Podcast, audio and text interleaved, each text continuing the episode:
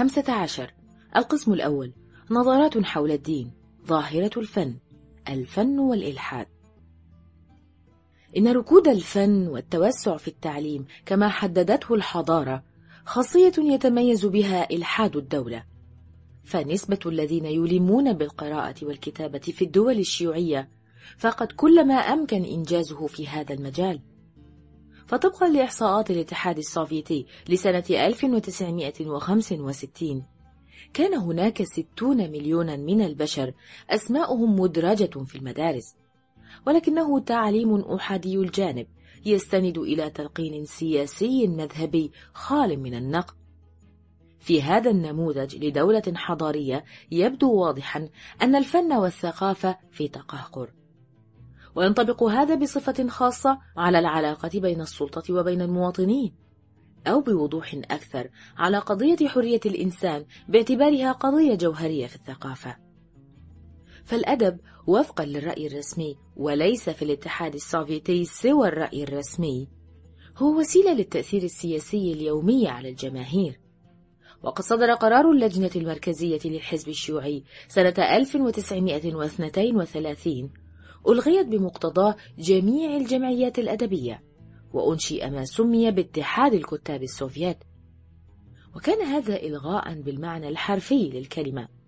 فمن بين 700 كاتب الذين حضروا المؤتمر الأول لكتاب الاتحاد السوفيتي سنة 1934 بقي منهم أحياء خمسون فقط حضروا المؤتمر التالي سنة 1954 وجد معظمهم ميتة في حملة التطهير الستالينية وتم إعلان الواقعية الاشتراكية منهجا وحيدا للفن السوفيتي.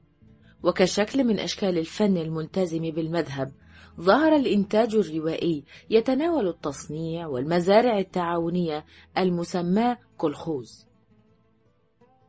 وفي مؤتمر الكتاب السوفيت سنة 1965 شجبت نظرية اللا بطولة في الأدب السوفيتي.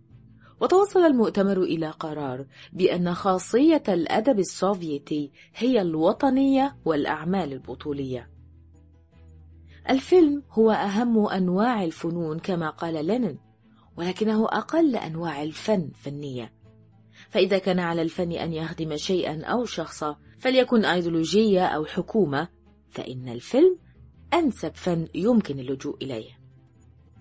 قال الناقد السينمائي السوفيتي آر إن يورنجيف في أحد كتبه عن الفيلم الكوميدي. إن ستالين لم يكن يحب الأفلام التي تعنى بالموضوعات المعاصرة فتكشف بذلك عن المصاعب والأذى والصراعات. وبدلا من ذلك أصر ستالين على أن تعنى الأفلام بعرض مناظر الاحتفالات والأعياد والأعراس والاجتماعات والرقص الشعبي وأغاني الكورس الجماعية. ولأن ستالين كان يشاهد جميع الأفلام قبل عرضها على الجمهور فقد كان يملي تعليماته أو توجيهاته التي اعتبرت قوانين. وكانت النتيجة هبوطا شديدا في إنتاج الأفلام وظهور الخوف من النقد. كانت روسيا في القرن التاسع عشر دولة فقيرة ونصف جاهلة. ومع ذلك استطاعت أن تقدم للعالم بوشكين وتشيكوف وتولستوي ودستوفسكي وتشايكوفسكي وريمسكي كورساكوف.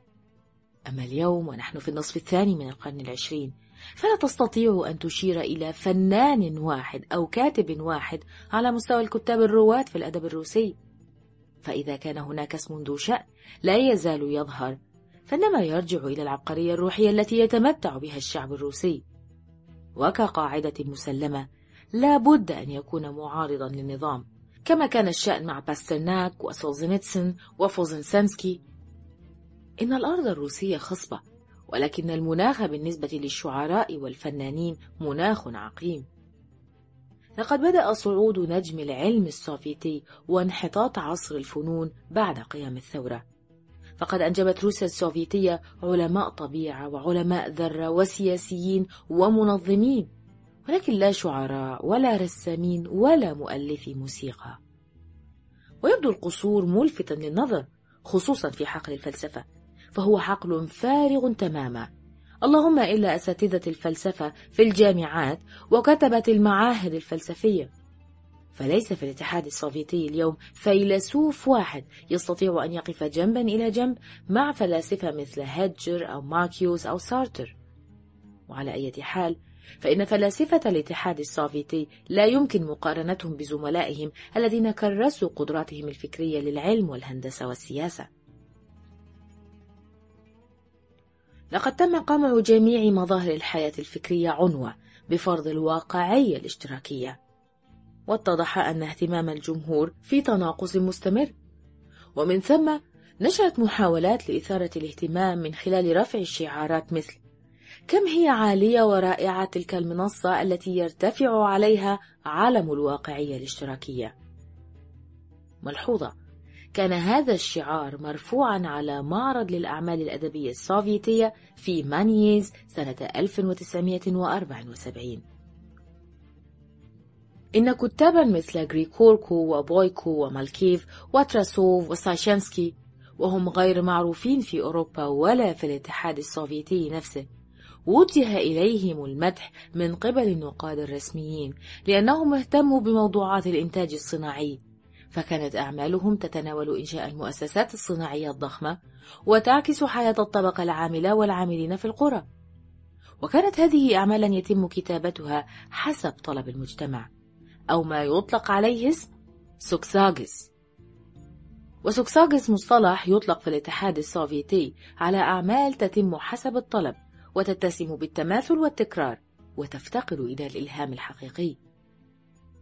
وقد اعترف الأكاديمي كورزيف قائلا مما يؤسف له أن كثيرا من اللوحات التي عرضت في المعرض كانت في غالبيتها أشكالا مختلفة لأعمال سبق إنجازها من قبل. وعبر الشاعر بوريس أولينيك عن شكواه من تكنيك الأبيض والأسود في تصوير الحياة ومن الرمادية والسطحية والضحالة بقوله في سماء الشعر السوفيتي تظهر نجوم خابية الضياء متماثلة فليس هناك شعر حقيقي وإنما يوجد نظم وتقليد للشعر.